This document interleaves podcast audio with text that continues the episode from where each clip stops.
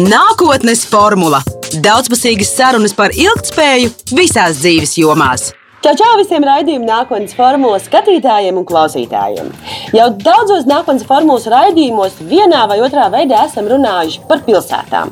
Un nepavēlti, pilsētas ir kā tādas asinsrites sistēmas, kas piesaista gan cilvēkus, gan naudu. Šodien paturpināsim mūsu urbāno analīzi kontekstā ar tehnoloģiju inovācijām, kas teju teju jau būs mūsu risinājumi ikdienā vai arī tuvākajā nākotnē. Analizēsim pilsētu ekonomiku un mūsu iesaisti šajos visos procesos. Studijā esmu aicinājusi Lāsmu Ivasku. Pēc profesijas un pēc diploma, kā pati teica, pilsētu ekonomists. Sveika, Lāsma! Čau, čau, Elizabete, čau visiem, kas klausās un skatās. Jā, uz diplomu ir rakstīts pilsēta ekonomista, bet uh, ikdienā es strādāju biedrībā VFRESH. Mēs strādājam ar VF apkaimes uh, dažādiem infrastruktūras jautājumiem. Un, mana misija biedrībā ir palīdzēt uzņēmumiem, kas vēlas pilotēt savas vietpilsētas inovācijas reālā pilsētvidē. Pie inovācijām un pie viediem risinājumiem mēs, mēs vēl atgriezīsimies. Tā ir viena no mūsu būtiskajām sarunas tēmām, bet pirms mēs sākam risināt jau tās praktiskās lietas. Man ir tāds jautājums, kāda loma un funkcija pilsētām ir varbūt vēsturiski, kā mums ir ierasts par to domāt, vai kā mēs bieži vien par to mācāmies arī ne tikai skolās, bet arī augstskolās. Un kas ir tā mūsdienu pilsēta? Kāda ir bijusi šīs pilsētas evolūcija? kā ar ko pilsēta vēsturiski atšķiras no pilsētas šodien? Uh -huh. nu, sākumā nopietns jautājums. um, kopumā es domāju, ka tā loma un funkcija un tas pamatojums, kāpēc mums vispār ir pilsētas, viņš ir palicis diezgan nemainīgs. Tas ir tas iedzīvotāju un resursu blīvums, ideju blīvums, koncentrācija ar lietām vienā mazā uh, lokācijā, kas attiecīgi ļauj veikt no ekonomikas viedokļa visas tirgus uh, funkcijas daudz ērtāk un ātrāk. Tā kā tas pamatojums, manuprāt, ir palicis tāds pats. Bet uh, tas, kas noteikti ir mainījies, ir um, apjoms ar cilvēkiem, kas dzīvo pilsētās, un proporcija pret cilvēkiem, kas dzīvo lauku teritorijās un pilsētās. Jo um, reāli līdz uh, industrializācijas sākumam, kas ir no 19. gadsimta vidusposms, tas uh, procentuālais apjoms ar cilvēkiem, kas dzīvo uh, pilsētās, ir bijis stabili zem 10%. Un šobrīd tās pēdējās prognozes rāda to, ka apmēram 50% no visiem cilvēkiem dzīvo pilsētās. Kas varbūt liekas, ok, 10% iepriekš, 50% tagad, bet, ja to skatās tādā laika griezumā, nu, nezinu, no 1400 no 1500, tad tas pieaugums ir reāli eksponenciāls pēdējā laikā. Un, man liekas, tās prognozes rāda to, ka tas vēl turpinās un turpinās, turpinās augt. Tā kā proporcija ir mainījusies, pilsētas ir blīvākas, viņas ir aktīvākas, bet tas pamatojums, nu, es domāju, vēl joprojām tāds pats, ka tas resursu koncentrācijas princips. Kā tu raugies uz šo problēmu? Pilsētas pārpildās, pārblīvējās, it īpaši daudzas no vēsturiskajām pilsētām, kas ir daļa no šīs Eiropas kultūras kopienas, kurām mēs arī esam piederīgi, mēs arī dzīvojam vēsturiskā pilsētā, reāli nav gatavas šim blīvumam. Un savukārt lauki iztukšojas, kas atkal ir otra problēma, ja, kad mums ir saka, reģionālā aizmirstība, un tur saka, cilvēki vai daž, dažās vietās nu, jau uz vienas rokas pirkstiem jāskaita. Kā šo problēmu vispār var risināt un vai tā ir jārisina?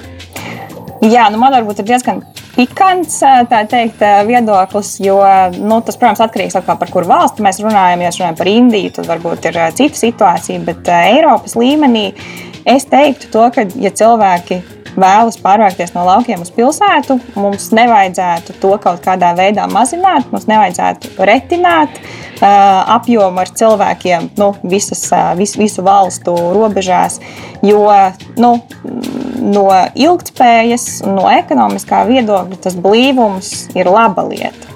Um, tas tev ļauj daudz mazāk patērēt dažādus citus resursus, transportu un tā tālāk. Uh, nu, piemēram, uh, es arī es strādāju VFA, VFA apkaimē coworkingā. Mums ir cilvēki, kas brauc uh, no Dobeles laukiem katru dienu uz coworkingu Rīgā un tad atpakaļ. Kas no ilgspējas viedokļa ir pilnīgs vājprāts, protams.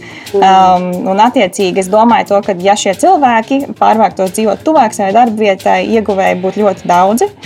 Um, tā, kas, manuprāt, ir problēma, ir tā, ka uh, Latvija kopumā ir ļoti monocentriska valsts. Mums ir viena lielā pilsēta, un tad ir tā tādas satelīti pārējie.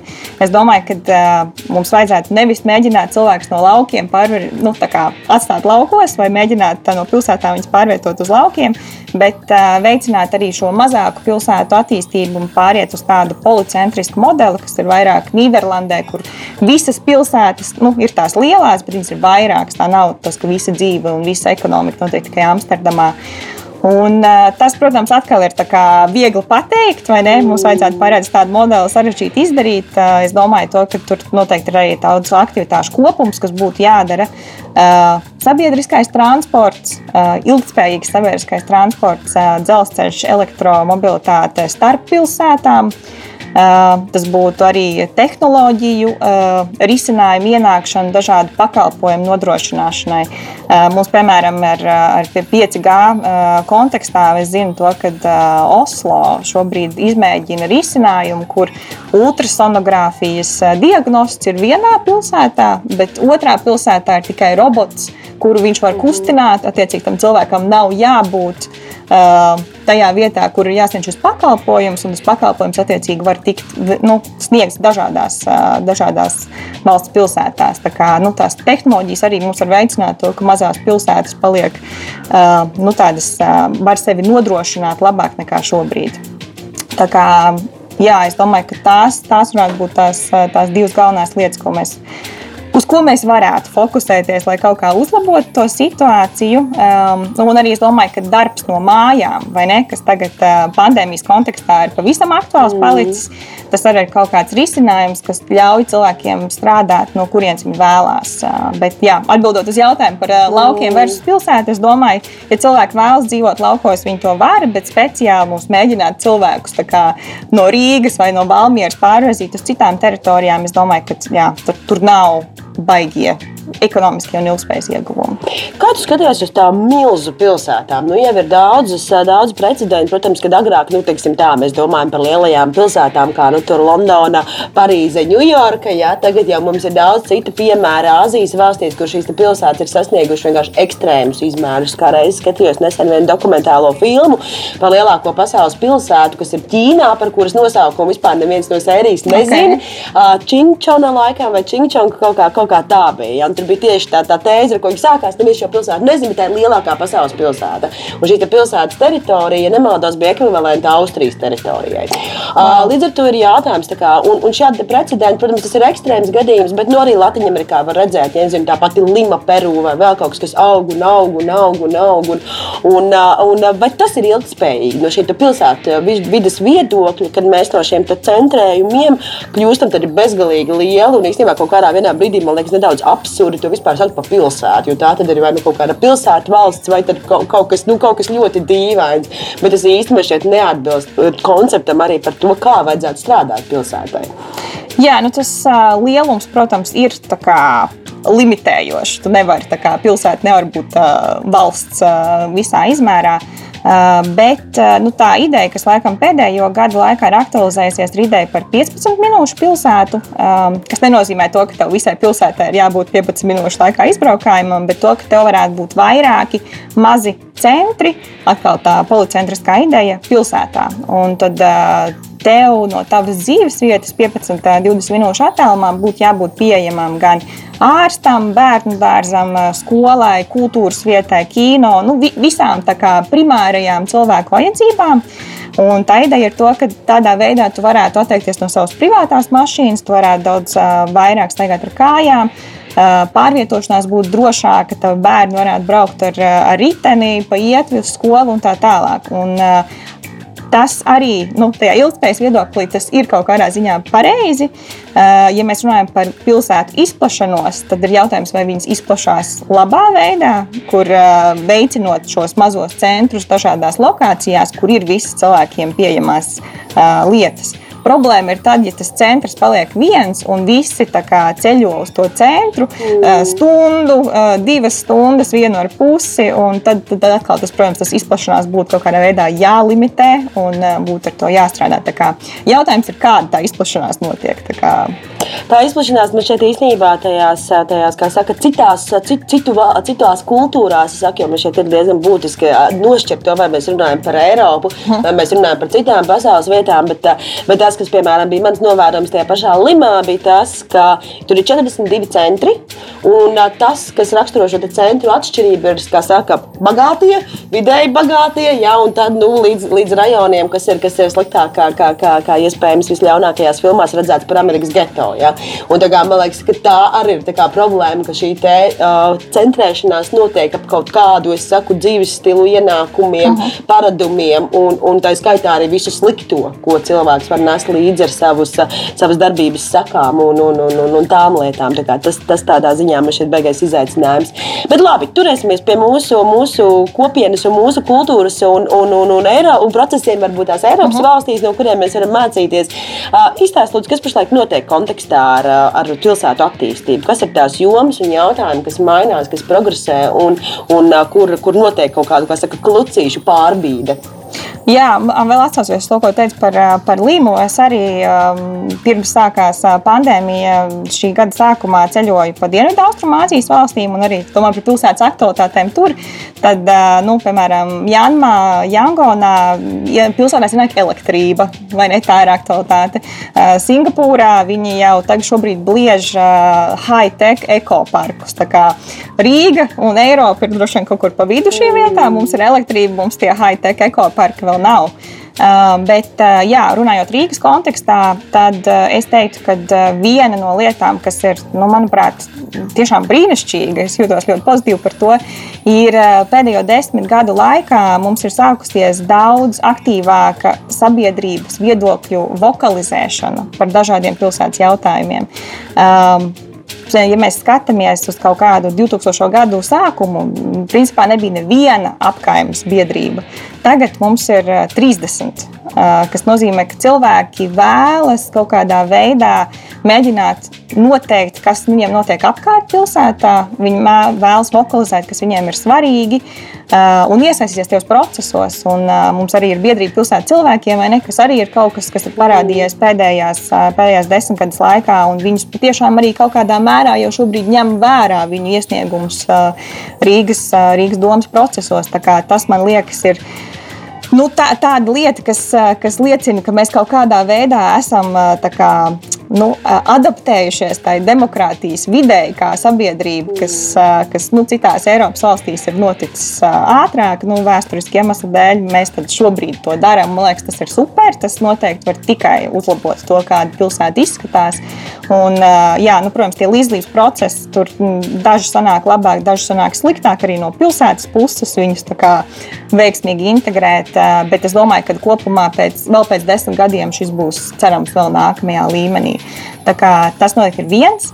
Um, Tad uh, ilgspēja, kuras jau vairāk kārt pieminēju, nu, tā, protams, tēma, kas visā Eiropā šobrīd ir topā. Uh, mēs esam izvirzījuši mērķi līdz 20, 2050. gadam būt klimata neitrāli.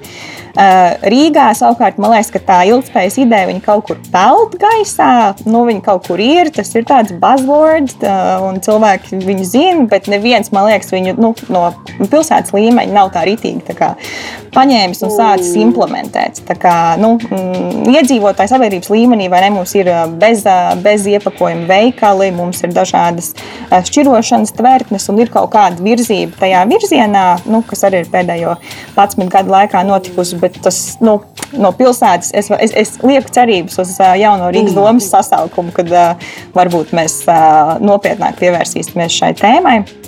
Un trešā lieta, kas ar laikam notiek, ir nu, visās, visās pilsētās šobrīd ir tā viedo tehnoloģiju ienākšana pilsētā, kas arī maina veidu, kā mēs izmantojam pilsētu, kāda ir vispār mūsu paradumi pilsētā. Es, piemēram, noteikti daudz vairāk ēdu kafejnīcas ēdienu, jo ir volts un bolts. Noteikti mūsu pārvietošanās paradumi ir mainījušies caur dažādiem elektroskūteriem, ar mobilī aplikācijas maksājumiem un tā tālāk. Tā kā, nu, tas arī ir protams, jautājums, kā visu to veiksmīgi integrēt, bet man liekas, tās trīs lietas, par ko mums vajadzētu arī nākotnē domāt, un kas jau šobrīd sevi ir aktualizējušas. Kāda ir sabiedrības iesaisti? Kā viņa ir notikusi līdz šim, un vai tas ir funkcionējis un nesis kaut kādus rezultātus? Mēs kā zinām par tām sabiedriskajām apspriešanas lietām. Ok, labi, to mēs varam savu viedokli, kā tu teici, vokalizēt un kaut kādos atsevišķos jautājumos iesaistīties.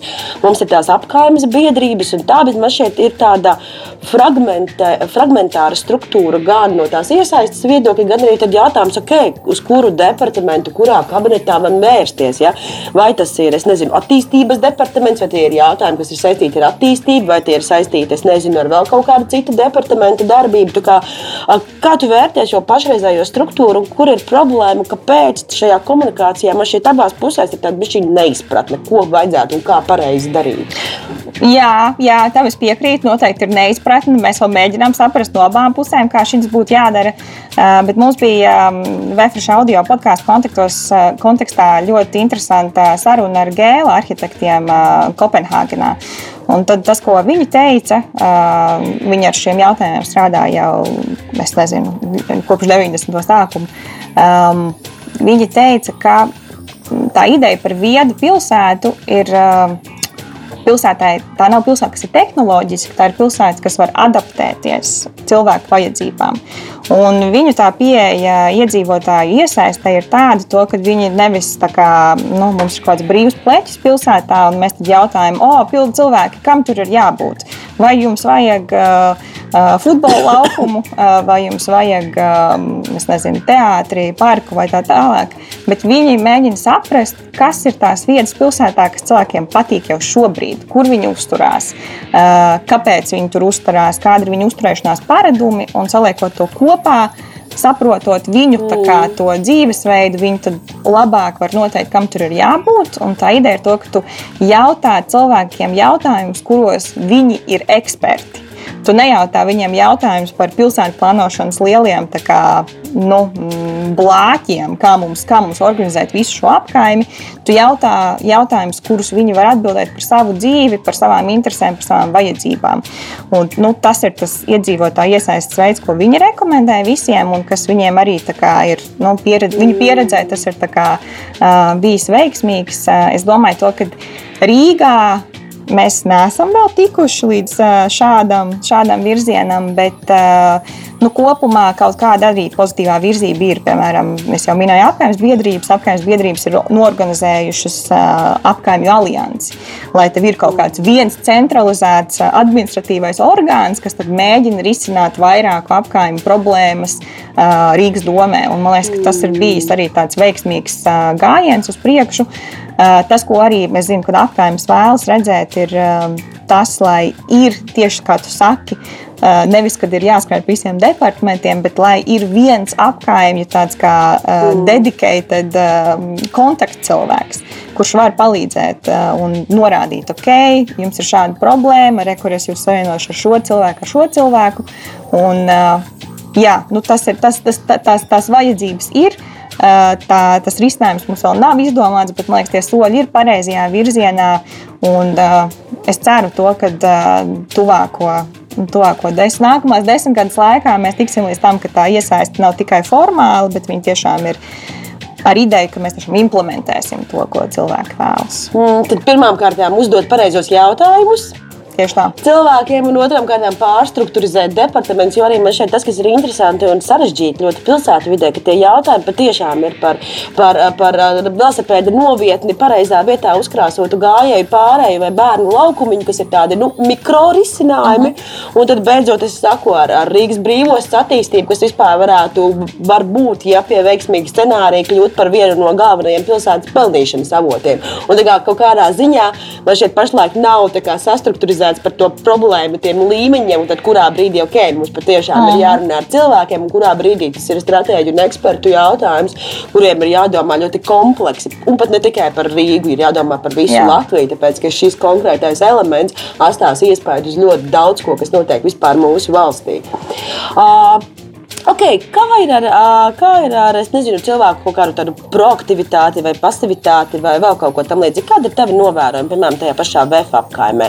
Nu, no sērijas tā, tā galība starp www, viss ir slikti, .lv un kaut kādām utopiskām idejām vai vēlmēm, vai vēl kaut ko. Kā tu vērtē varbūt to kopējo tādu sabiedrības atmosfēru, vēlmi iesaistīties, izpratni par to, ka viņi var iesaistīties, ka viņiem ir kaut kādas, saku, lemtspējas, teiktspējas un ka viņi var īstenībā pieprasīt atbildību no tiem cilvēkiem, ko viņi ir savēlējuši dažādos kaut kādos posteņos, kas nosacīti par šiem jautājumiem, atbild pilsētas pārvaldē.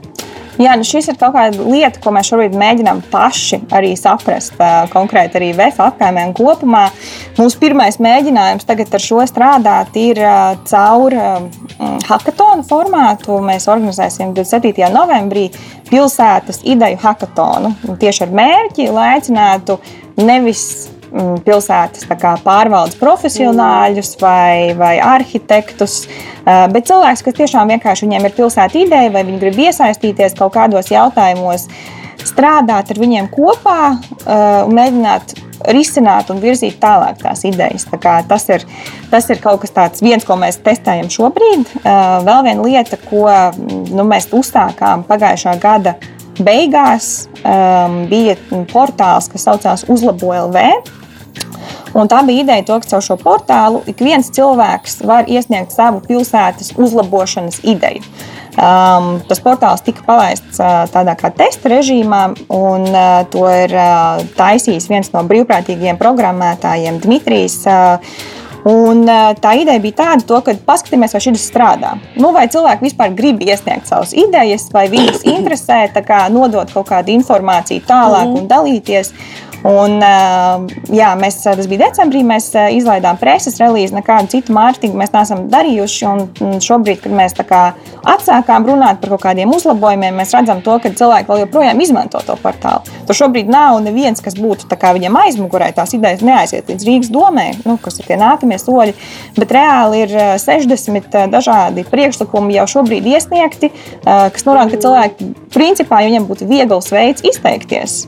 Nu, kas ir to, ka tev nav jāraksta iesniegums, jāmeklē savs e-paraksts, o, aizmirst paroli vai ne.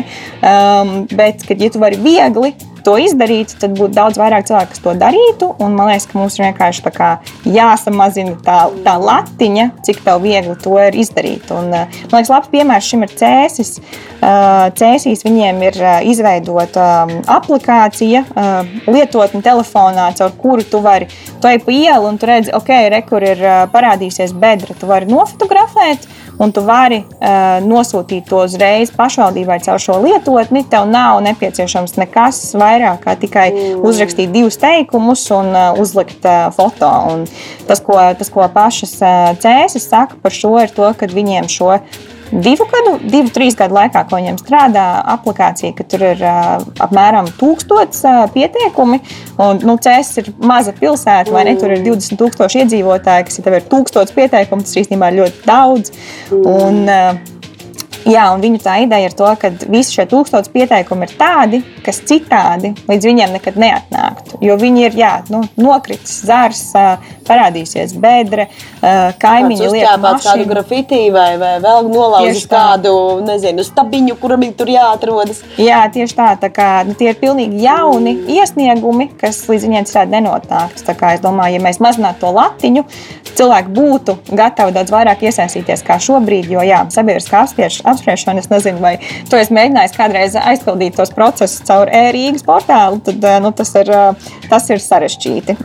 E-Rīgas portālā neesmu bijusi, bet esmu aptaujājis cilvēkus uz okay. ielām ar, ar aptaujas anketām. Ah, bet, bet šī gadījumā tā, diemžēl, bija vilšanās, jo īstenībā tas bija vairāk tāds formāls gājiens, kas man liekas ir liela problēma šīm sabiedriskās apspriešanas lietām, jo skaidrs, ka pēc likuma tām ir jābūt, bet uh -huh. tas, cik ārkārtīgi formāli un pavirši tas tiek izpildīts, tas, diemžēl, droši vien liecina par to, kāda ir izveidojusies mūsu pilsētvide un kā cilvēki varbūt arī jūtas tajā pilsētā. Bet labi, nerunāsim par bēdīgo, par viedajām lietām, par viedajām pilsētām, viedajām tehnoloģijām, visu pārējo. Kas ir tas, uz ko mēs ejam? Tu jau minēji, protams, jā, mums ir dažas aplikācijas, kas mums jau atvieglo dzīvi ikdienā un kas ir jau kļuvusi par tādu, saka, nemanāmu paradumu. Tie paši mobili un, un, un ātrās ēdināšanas pasūtīšanas iespējas un viss pārējais. Saki, lūdzu, kas vēl ir tas, kas ir pašlaik attīstības procesā, kas ir tāds, ko mēs pieredzēsim tuvākā laikā un kas varbūt ir kaut kāda tāda, jā, jau, jau, jau, jau nākamā līmeņa lecieni no kādām citām, citām lielajām pilsētām, kas ir atradušas kādas foršas tehnoloģiskas risinājumus, kas pēkšņi pilsētā iedod kādu uh, svaigu gaisu vai atrisina kādu nopietnu problēmu. Jā, nu, man liekas, tehnoloģijas pilsētā, nu, mēs, es arī teicu, to, ka tehnoloģijas ienāk pilsētā, bet tajā pašā laikā, ja mēs pakāpjamies atpakaļ, tehnoloģijas ir vienmēr bijušas tādas no pilsētas, vai ne? Mēs reizēm aizmirstam to, ka ceļam krāns arī ir tehnoloģija, kas ir pārveidojis to, kā mēs redzam pilsētu. Automašīnas, luksusafora, tās visas ir tehnoloģijas. Un tas, tas nākotnes tehnoloģija pienesums ir laikam tāds, ka viņiem vajadzētu būt gudrākām, un viņām vajadzētu būt vairāk kā, uh, nu, ar, ar savu intelektu. To, ka viņa tehnoloģijas ir nevis tāpēc, lai izpildītu vienu konkrētu darbību, bet viņas ir tāpēc, lai jau kaut kādā veidā izdomātu, mm. kā kaut kādu mm, procesu pilsētā organizēt citādāk. Um, bet es domāju, to, ka mūsu mērķim nevajadzētu būt vienkārši tehnoloģiskai pilsētai. Mūsu mērķim vajadzētu būt pilsētai, kas, uh, kas uh, iegulda resursus, lai, um, lai domātu par nākotnes vajadzībām, nevis par pašreizējām problēmām. Nu, jo tehnoloģija to var izmantot dažādos veidos, vai ne? Jo, ja mēs domājam par CO2 samazināšanu, uh, viens veids, kā mēs varam to risināt ar tehnoloģiju palīdzību, ir uh, izvietot daudz elektrouzlādes stācijas. Cits veids, kā mēs to varam risināt ar tehnoloģiju palīdzību, būtu um, izvietot mākslīgā intelekta risinājumus pie luksusforiem, kas vienkārši nodrošinātu, ka mašīnas var daudz ātrāk izbraukt, vairāk, ātrāk, tādā veidā konkrētajās vietās nav vairāk tas CO2. Bet nu, tas tev atkal palielina vai ne mašīnu apjomu kopumā un cilvēks, kas ir ieinteresēti braukt ar mašīnu. Tā kā tas, tas tā tehnoloģija var mums atļaut dažādus risinājumus. Es domāju, ka mums ir vienkārši nu, ne, ne, gan mums, gan pilsētai būtu jāizvēlās tie, kas risina jau kaut kādas nākotnes vajadzības. Un es domāju, ka tie ir tie gudrākie veidi, kā, kā, kā tehnoloģijas pielietot pilsētā. Nu, tu vari minēt kādus interesantus piemērus, jo man liekas, tādā ziņā saku, tā, ir tā grūti to tā, kā mēs zinām tās, tās praktiskās lietas, un tad mēs zinām, ok, jā, tehnoloģiskie risinājumi, inovācijas un tam līdzīgi. Bet kā tas tieši salīmējas, salīmējas kopā? Vai tu vari ieskicēt, jā, tīri no praktiskās puses to, kas strādā? Labi, luksafori, teiksim, vai, vai šīs te uzlādes iespējas. Vienas lietas, tu minēji arī tās, kā tu biji tie ekoparki, nē, jā, high-tech ekoparki. Nu, kas, ir, kas ir kaut kas tāds no tādām superattīstītām? Lielajām pilsētām, kas ir, es saku, jā, droši vien, ka vairāk tur tajā Āzijas virzienā, ko mēs varam redzēt. Jā, nu, high-tech ekoparki tas ir. Uh jā, Singapūras uh, lieta, tas, kas man vairāk, uh, nu, nevis tas high-tech man interesē, bet tas ekoparku uh, ideja, kur uh, tu vari uztaisīt parku, kas ir sevi noslēgta ekosistēma, kur ūdens, kas tur ielīst, tiek izmantots tālāk, lai apūdeņotu citus augus, lai tas ūdens neaizplūst kanalizācijā, un kā tu vari kā, izveidot jā, ekosistēmu urbānā vidē, kas ir nu, dabīga mm. ekosistēma. Kā, man liekas, tas ir kaut kas tāds virziens, kas nav vēl Eiropā vispār aktīvi apgūts. Es ceru, ka tas arī notiks.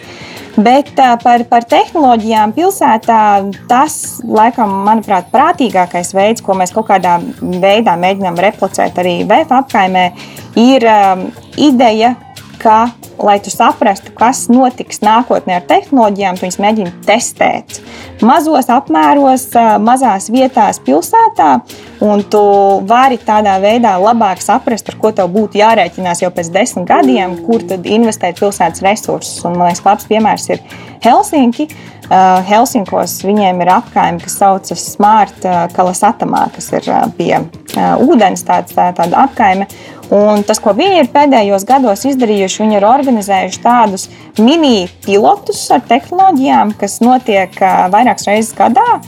Viņi izsludina tādu kā mini grantu konkursu uzņēmumi var tādā veidā dabūt starp 5 un 10 tūkstošiem. Un, attiecīgi, par to viņi organizē konkrēti apgājumā kaut kādu testu. Un, tādā veidā viņi ir.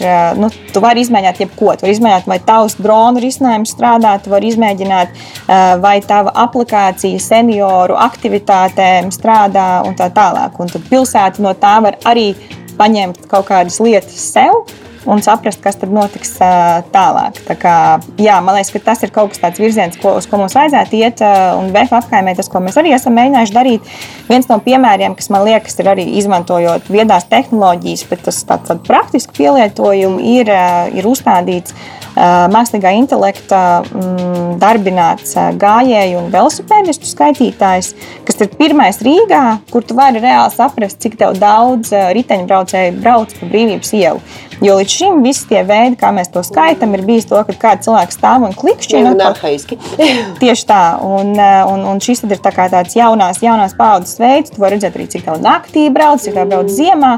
Un tas, tas tie pirmie dati, ko mēs saņēmām, viņi uzstādīja jūlijā, un jau pēc trim mēnešiem bija vairāk kā 220 tūkstoši riteņbraucēji pabraukuši garām tam vienam skaitītājam, kas parāda, cik īstenībā liela ir šī riteņbraucēju komūna. Nu, nezinu, vai komūna ir pareizais vārds, jo tas nu, indi, indikē kaut kādu tādu noslēgumu, bet nu, tas tev kaut kādā veidā ļauj domāt par pilsētas attīstību citā veidā, ja tev ir nevis mm. ideja to, ka oh, kāds jau tur brauc ar riteni, tur uh, visi trakie tur, uh, vai tur. Uh, tie cilvēki, kuriem nav bail par savu drošību, bet nē, 220 tūkstoši trīs mēnešos. Tas, man liekas, ir, ir super, super rādītājs un labs pielietojums uh, mākslīgā intelekta tehnoloģijām. Uh, mēs esam arī uh, uzstādījuši pāris sensorus, um, kas, ir, uh, kas mēģina saprast, kāda ir CO2 izmeša konkrētajā vietā, temperatūras izmaiņas un tā tālāk.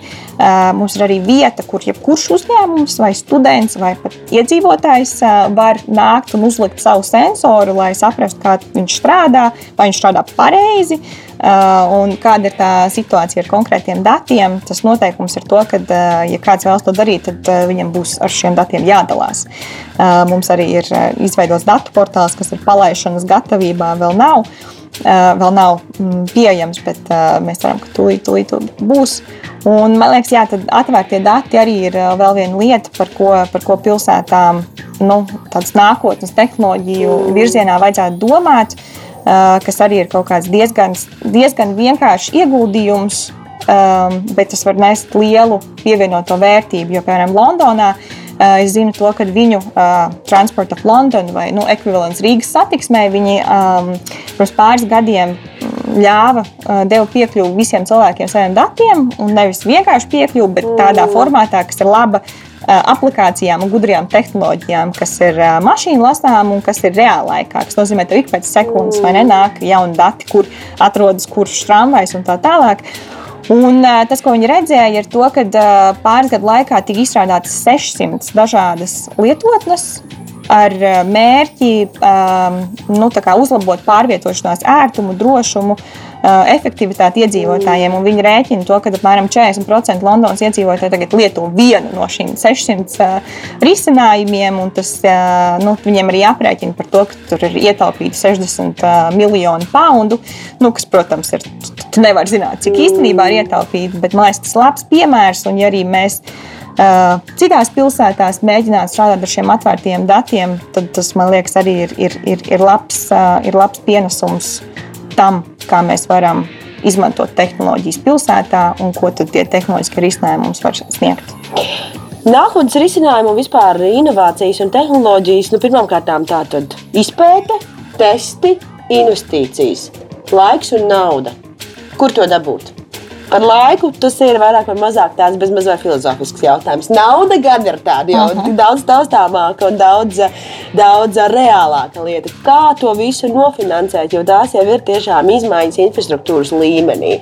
Un tad jautājums, kādā veidā mēs ar esošajiem mums pieejamiem resursiem varam domāt par nākotni, nevis gaužoties un šausminoties par to, cik tas viss mums dārgi izmaksās, bet kur tad veidojās šis balans, kur nauda kur nauda ir jāinvestē Jā. un kā pēc tam nopelnīt. Jā, nu es laikam teiktu, to, ka vieda pilsēta nav obligāti dārga. Nu, jo tev ir, ja tev ir problēma pilsētā, tu viņu vari risināt caur infrastruktūras izmaiņām, kas ir lielākoties ļoti dārgas, vai tu viņus vari risināt caur tehnoloģiskiem risinājumiem.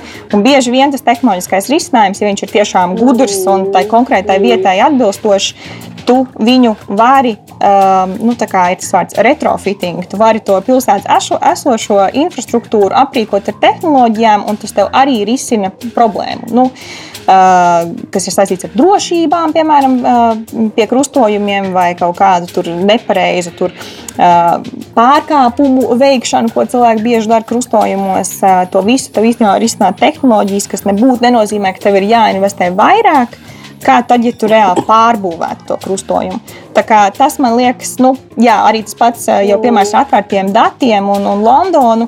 Arī tas nav par to, ka tev ir obligāti jā, nu, jānolīdzina viss un jāuzceļ no jauna. Jā, tas tas, tu vari strādāt ar esošo un saprast, vai tev konkrētais risinājums ir mm. lētāks un izdevīgāks un labāks ilgtermiņā vai nav.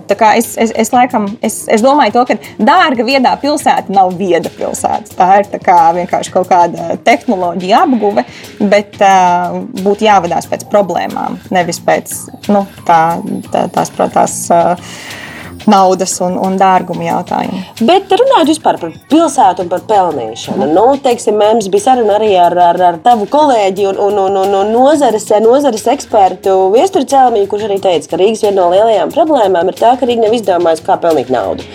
Tad ir jautājums, kā pilsētas vispār var pelnīt naudu un kā domāt par šo te, kā saka, galveno pilsētas asinīm un asinsrites sistēmas nodrošinātāju, proti tātad finansējumu, kas ieplūst pilsētā ar pluszīmi. Jā, tas ir Tas ir labs jautājums, kā pelnīt naudu. Es zinu, to, ka šobrīd Rīgas ieņēmumu nu, budžets, ieņēmumu budžetā veidojās no tā, ka apmēram 65% ir iedzīvotāju ienākuma nodoklis.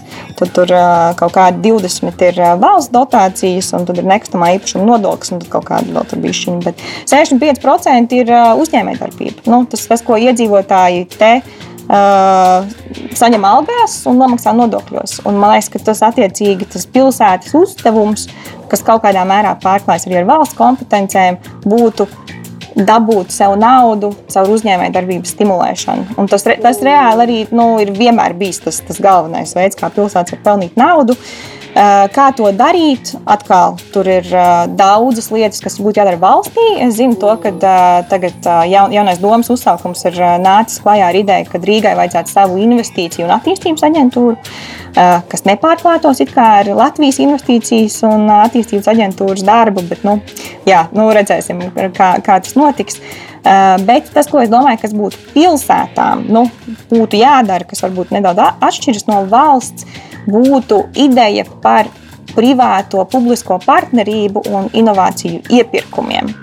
Jo pašvaldības var būt arī klients dažādiem šiem viedajiem risinājumiem, dažādām inovācijām. Un, ja tu esi pašvaldība un tu vēlēsies, piemēram, nopirkt savu mm, viedu lampu, nu, ja viedu ielu apgaismojumu, tad viens veids, kā to darīt, būtu to, ka Tu uzrakstīji iepirkumu, definēji jau tieši kādu šo viedo lampu tev vajag, tev piesakās uzņēmumu, tu nopērci jau esošu radītu produktu. Mm. Otrs veids, kas būtu vairāk uz to partnerību vērts, būtu to, ka tu ej pie uzņēmumu kopas un saki, mums ir šāda problēma, mums ir nepietiekams apgaismojums, bet mēs negribam arī maksāt vairāk par elektrību. Ko mums darīt šajā situācijā? Un tad kopā ar uzņēmumiem jūs jau veidojat jaunu risinājumu, kas ir tieši konkrētai vietai vajadzīgs un konkrētai vietai atbilstošs. Un tādā veidā tu arī kā pilsēta veicini to, ka uzņēmēji izstrādā jaunus risinājumus. Otrakārt, veicina to, ka viņi tiešām viņus ka viņiem ir kāds references punkts pēc tam, kad viņi jau saka, ok, mēs jau tur Liepājā vai Rīgā uzstādījām šādu risinājumu. Viņš strādā. Citi arī tagad, ok, jūs varat nākt apskatīties, kā tas izskatās reāli. Tas, man liekas, ir tāds baisais virziens, kur arī mūsu liekas, inovāciju iepirkums Latvijā ir noticis vienreiz.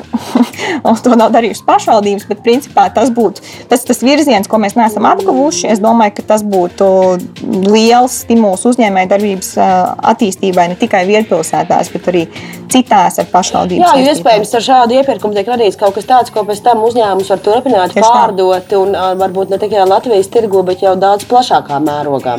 Jā, jā tieši tā. tā kā tas eksportspējīgu mm. risinājumu radīšana, tas ir principā mazām valstīm vienīgais veids, kā, kā augt lielākām, jo mūsu, protams, iekšējais tirgus nav, nav pietiekami liels, lai mēs visi dzīvotu uh, brīnišķīgos apstākļos. Tāpēc eksporta eksport spēja, uh, un ja tur var pašvaldība iesaistīties, tad man liekas, tas ir, tas ir super. Kā ir ar to investīciju plūsmu, kas ar mūsu kaut kādiem potenciāliem, es nezinu, ārvalstu investoriem, Aha. tādām lietām? Kāda ir šī investīcija vide un vai Latvijas pilsētas un vispār Latvija kā valsts, ne tikai Rīga, bet arī citas pilsētas piesaista investorus? Kāda ir tā statistika pie mums? Cilvēki brauc, grib palikt, grib veidot savu uzņēmēju darbību, vai tomēr tā vide vēl joprojām ir pārāk komplicēta, lai, lai citi cilvēki ar citām biznesa pieredzēm un starptautisku skatījumu šeit varbūt tās nejūtās īsti komfortabli zonā? Jā, nu tas ir tas, tas jautājums, atkal ir valsts un, un pilsētu, ne, kur, kur beidzās valsts atbildība, kur sākās pilsētas atbildība. Um, es esmu iepriekš arī strādājusi ar uzņēmumiem, kas vēlas uzsākt savu darbību Baltijas valstīs, un tad viņi grib saprast, kurā tad valstī viņiem labāk bāzēties. Un reāli nu, tas, kas tur nāk, nu, tajās sarunās, tie ir, nu, tie ir dati. Viņi skatās tikai uz datiem kādas ir nodokļu likmes, cik ir un kādas ir kvalifikācijas cilvēkiem viņu nozarē, kāds ir potenciālais brīvais darba spēks. Uh, nu, tie, tie visi ir tādas tā kā, ļoti konkrētas lietas. Um, kas viņus vispār kā, nu, kas viņiem liek pieņemt lēmumu vienā vai otrā. Mm. Tas, ko pilsēta var darīt, pilsēta var mēģināt likt viņiem, tiem investoriem, par sevi sadzirdēt. Nu, to, lai viņi vispār iedomājās, ka, oh, Liepāja tāda mm. pilsēta ir vai, vai, vai Rīga. To, kad, nu, kad tu mm. mēģini caur to pilsētas kaut kādu stāstu sevi aktualizēt, tu mēģini ar to strādāt. Un, un, un tad, protams, pilsētā vēl ir daudz citas atbildības, kas veido tos ne tos datus, kas ir cik mums piemēram ir tehnoloģija eksperti. Pilsēta var organizēt izglītības procesus, pilsēta var dot ārpus, ārpus skolas aktivitātes, kas ir saistītas ar tehnoloģijām un kas var virzīt cilvēkus izvēlēties tādu karjeru. Tā tas ir ļoti, nu, ļoti daudz to faktoru ieiet iekšā. Es teiktu, to, kad, kad būtu jāapsēžās pilsētā, jāapskatās, kas ir tie vai ne kaut kādi desmit statistikas dati. Ko skatīsies? Uh, ko skatīsies investori un saprast, okay, ar kuriem mēs vispār kā pilsēta varam strādāt, uh, Un mm. kur ir tie, kur mums ir kā, nu, jā, jāpalīdz valsts tēlam un valsts aktivitātēm vairāk? Jo man liekas, viena no tām lietām, pret ko Ah, kur mēs visos tajos doing business un tajās visās skalās performējam briesmīgi, ir tiesiskā aizsardzība. Man liekas, tikko arī bija televīzijā ziņa par, par digitālu gaitas procesiem, un tu saproti, reāli tu šobrīd tiek lēmts par potenciālo pārkāpumu, kas noticis 2000. gadā. Mm. Tas 20 gadi, tas ir vesela paudze, ir izaugusi.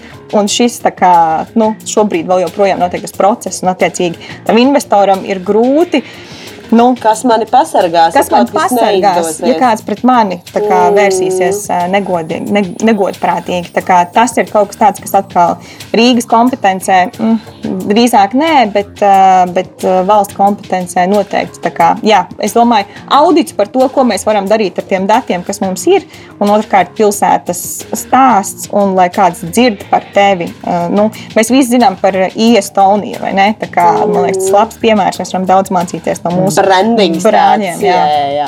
Ai, labi, šī tā mācīšanās no brāļiem, mēs visās sarunās nonākam pie tā. Bet labi, vai nav neliela problēma tajā, ka uzņēmējdarbība ir tā, kas vienmēr reprezentē ātrumu, dinamiku un tā tālāk, un tomēr tā pilsētas un valsts pārvaldes sistēma drīzāk vēl joprojām cīnās ar kaut kādiem arhaiskiem mantojumiem. Vai tur arī nav tā pretruna par to, ka viens ir rītīgi ātri vilcienā, un viens varbūt vēl tur, kā saka, ar, ar, ar čukčuk bānīti lēnā garā minās un tikai domā par problēmām, kas bija īstenībā jau jāatrisina pirms desmit gadiem? Es, es domāju, ka noteikti, es domāju, ka noteikti tā ir. Um, tas, ar ko mēs saskaramies strādājot ar, ar pašvaldības iestādēm, ir tas, ka man liekas, ka viņi visi ir pārslogoti. Visiem tiem cilvēkiem tas kā, tas darbs ir vairāk nekā viņi var pavilkt. Un līdz ar to tas neizbēgami, man liekas, reāli novada pie tā, ka tu sāc prioritizēt, ka ar šito es kā, nu, neko nedarīšu, te es kaut ko izdarīšu. Kā, nu, tu mēģini, man liekas, tāds self-defense, pašaizsardzības kaut kāds. Un tas ir absurdi, tāpēc ka mēs jau visu laiku pukstam un čīkstam par to, cik mums tur ir smags tas birokrātiskais slānis, cik daudz cilvēku ir iesaistītajās pārvaldes sistēmās, un, kā saka, tur liekēžu banda, tad īsti nevar saprast, kā, kā viņi varbūt proporcionāli proporcionāli ir vairāk. Cipari it kā ir, nu, it kā mēs arī atsaucamies uz Skandināvijas, Skandināvijas piemēriem, kur var redzēt, ka daudz lielākas sistēmas, daudz lielākas mhm. teritorijas, daudz lielākas pilsētas pārvalda daudz mazāk cilvēku. Bet šeit ir tas pārslodzes moments, jo man ir ļoti līdzīgs sajūta. Arī pazīstu daudz cilvēku dažādās struktūrās. Viņi strādā vienkārši. Tur nav nekāds stāsts par 8 stundu darba dienu. Tur ir tāpat tās sēž līdz 8, 9 vakarā, tāpat kā tu sēdētu savā privātajā uzņēmumā. Uh, kā, kur, kur varbūt tās, es nezinu, varbūt tās arī tavi praktiskie novērojumi, kur veidojās šis disbalans par to, ka it kā cilvēku resursi ir iesaistīts -huh. daudz, bet ir šis nenormāli lielais pārslodzes moments. Jā, tas ir. Tas, tas ir es, es tev pilnīgi piekrītu, to, ka tas ir jocīgi. Mm. Nu, ka tu, kā, ja tu sāc par to domāt, liekas, kā, wow, kā, kā, kā šis mums notika. Es domāju, ka tas ir tādi nepārdomāti iekšējie procesi par to, kas mums tiešām ir vajadzīgs no visa tā paperwork, kas mums, kas mums nav vajadzīgs. Jo jā, no praktiskiem piemēriem mēs, kā jau teicu, mēs mēģinām uzņēmējiem palīdzēt savas inovācijas uzlikt kā, reālā pilsētvidē. Tad tas process, kas tur ir jāiziet cauri pie kaut kādiem desmit departamentiem, lai dabūtu savu sensoru knipuci uz ielas, tas ir, nu, tas ir pilnīgi, pilnīgi, pilnīgi traki. Um, tev ir, nu, sākot no kādām mazām lietām, to, ka neviens nezina līdz galam, kur pilsētā ir pieejama elektrība. Neviens nav nekāda publiska datu bāze par to, kur kurš infrastruktūras objekts pieder kuram departamentam vai kurai aģentūrai. Tev reāli jāiet, ok, šis staps ir, ir tavs Rīgas satiksmes departaments vai tavs Rīgas satiksmes. Un, vai tas ir Rīgas gaismā, vai tas ir sadalījums tīklā, vai vēl kaut kādā man ir bijuši šie elektrības jautājumi vienkārši. Un tu ej pa to cirkuli vienkārši riņķī apkārt, tu gribi paņemt no tiem, no tiem esošajiem resursiem, nevis ņemt un atkal dedzināt to ģeneratoru, bet beigās tu nogursti no tā visa komunikācija, tāpēc, ka tur ir tās vainas gaidīšana, ka neviens nezina par otru. Es teicu, ja tas nav mans stāsts, es nezinu, kuram tas stāsts pieder. Tad līdz ar to zvani nākamajam, jā, ceri, ka viņš varbūt zinās, visticamāk, viņš atkal nezinās, vai arī liks man piezīmēt trim citiem kolēģiem. Un tā tas beidzās. To, ka ļoti daudzas, man liekas, labas domas un tādas, nu, jēgpilnas iniciatīvas atdurās par to, ka vienkārši to, ka tu piezvani piecas reizes par vienu jautājumu, tad saproti, ka labi, es paņemu ģeneratoru un, ne, jā, jā, diemžēl, jā. būs jādzīvo ar, ar, ar savu CO2 nospiedumu.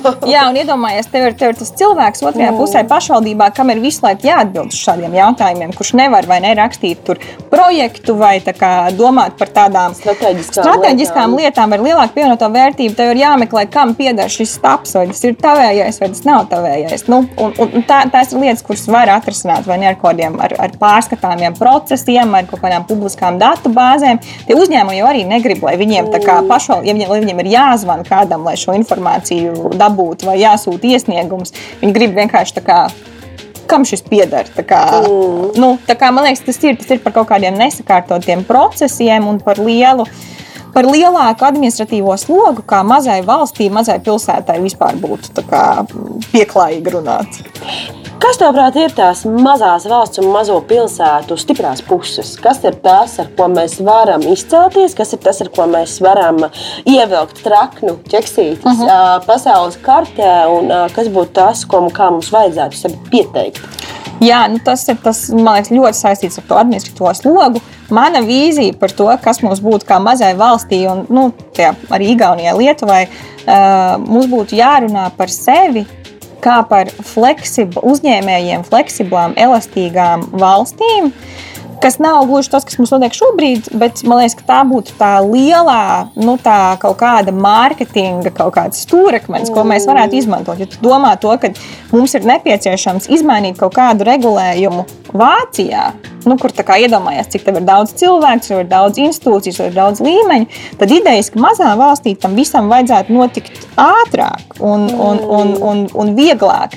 Jo, nu, mēs jau esam īstenībā tāds liels uzņēmums. Ja mēs paskatāmies tā. mērogā, ja iesaistīto cilvēku skaits un līmeņi un viss pārējais ir pasaulē uzņēmumi, kas nodarbina liekas, vairākus darbiniekus nekā, nekā Latvijā dzīvo iedzīvotāji. Jā, nu, piemēram, uzņēmums Accenture, man liekas, viņiem pusmiljons strādā pa visu pasauli. Mm. Mēs esam divi, divi kopā, vai ne? Tā kā, jā, es domāju to, ka arī tas, ka tu Latvijā nu, tu pazīsti cilvēkus, un tu varētu arī, ok, ok, šis nav jārunā ar mani, bet rekurs tev salikšu kopā ar Annu, un viņi tev palīdzēs. Un man liekas, ka tas, kā, ja mēs šo varētu norganizēt, kas tiešām tā notiek, Uh, nu, gan vietpilsētas kontekstā, kad kāds uzņēmums grib testēt savu dronu risinājumu šeit, ko pēc tam viņš varētu visur citur pasaulē uh, izplatīt, tad uh, mēs varētu būt tā, tāda kā elastīgā testēšanas vieta dažādām, dažādiem risinājumiem, dažādām idejām. Ar labu administratīvo pārvaldi, bet nu, jā, mums jāizdara tas mājas darbs. Man liekas, tas jebkurai mazai valstī tas ātrums ir liels, liels tas pienesums potenciālais.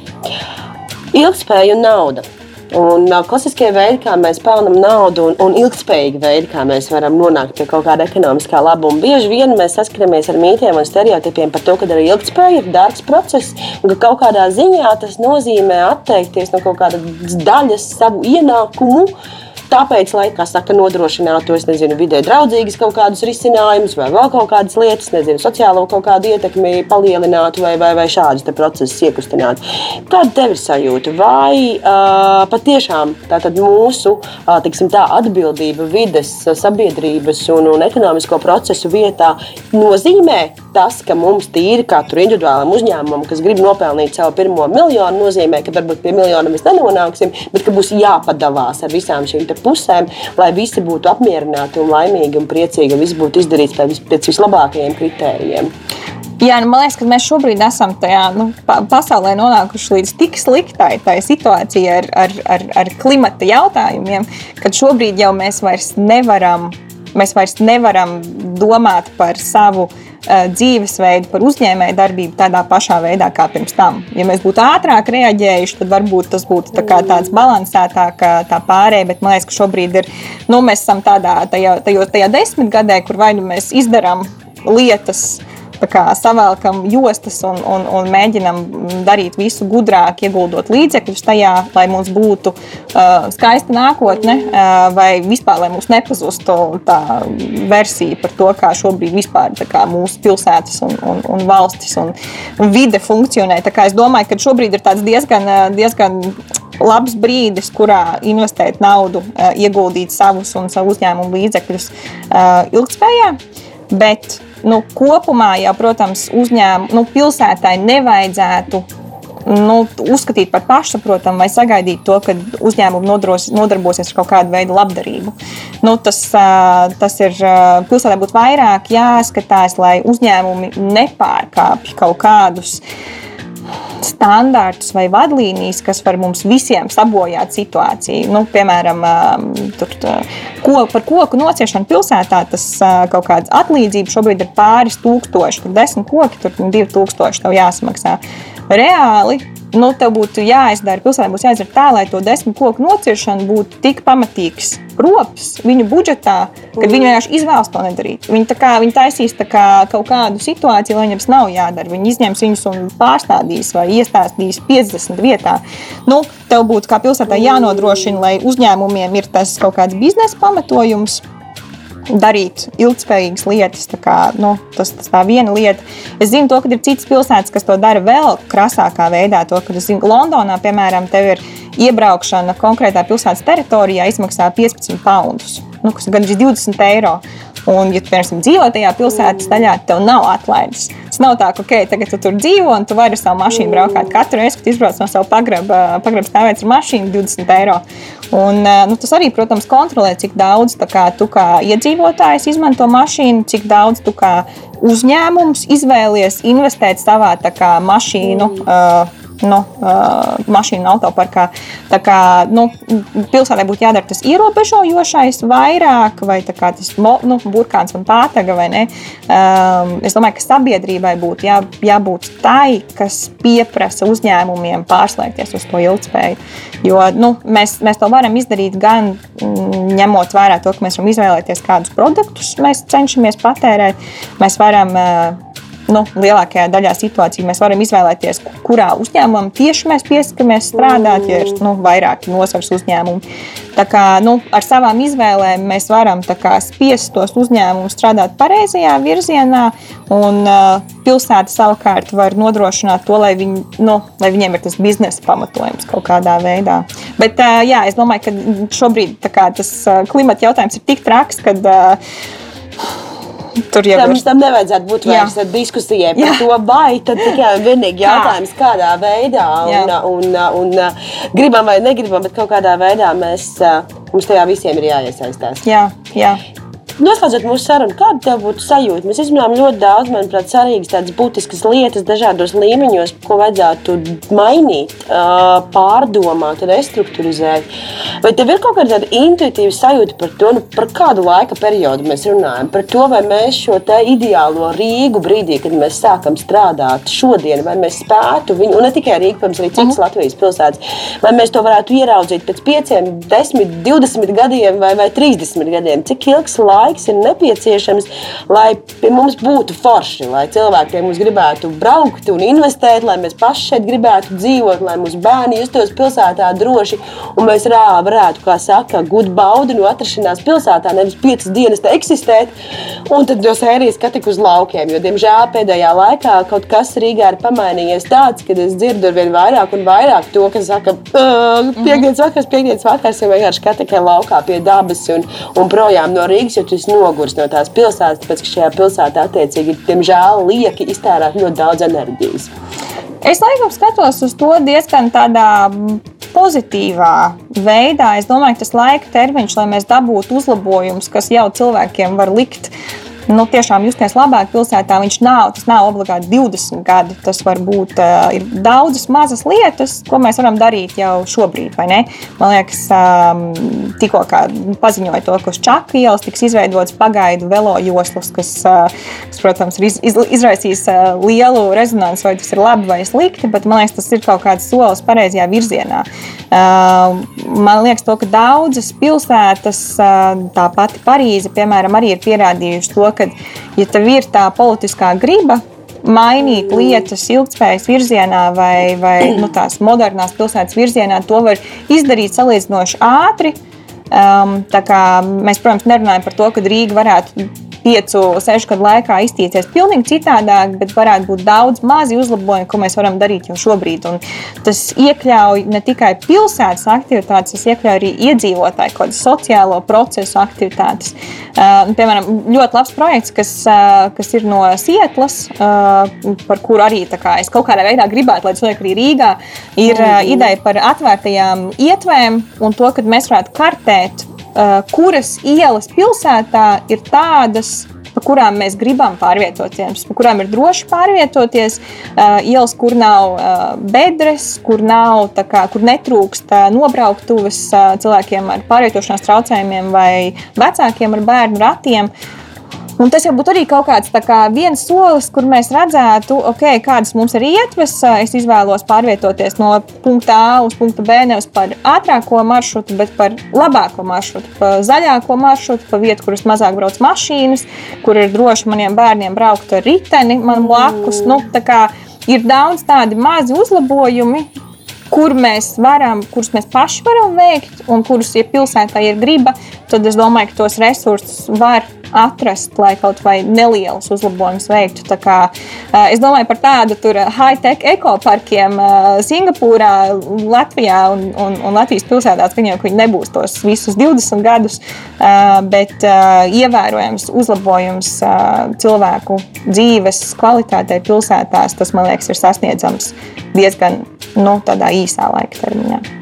Forši, paldies tev par šīs dienas sarunu. Paldies. Ceru, ka mums to izdosies sasniegt un atrast gan pareizos cilvēkus, kas ir saka, pie stratēģiju veidošanas un lēmumu pieņemšanas, gan arī kopumā kaut kādā veidā atjaunot un iepilināt svaigu gaismu tajā sabiedrības entuziasmā un spējā saka, līdzdarboties dažādos procesos. Jo, nu, man šķiet, ka nu, kaut kādā ziņā tā pati aplikācija veids parāda mm -hmm. to, mhm. ka nu, visi autobraucēji mākslinieki savā starpā solidarizēties. Jā. Momentāli vienkārši, kā saka, real-time nokomunicēt kaut kādas lietas. Un es kā reizē nesen braucot uz cēsīju mašīnā, domāju, ka, ka, ka veids pierāda to, ka īstenībā mēs varam. Un, ja mums būtu šādi risinājumi pieejami, un ja mēs varētu tādā veidā komunicēt ikdienā par savu pilsētvidas pārvietošanos sistēmu, gan kā mhm. riteņbraucēji, gan tiešām kā māmiņas ar bērniem, un ratiem un suņiem un visu pārējo, tas jau būtu viens solis tālāk šajā procesā, lai mēs šeit visi justos forši. Jā, un ja kādam ir idejas, tad mēs aicinām uz 27. novembra hackathonu. Varbūt mēs varam uztaisīt veizu, bet riteņbraucējiem vai ietvēm un tā tālāk. Tā kā.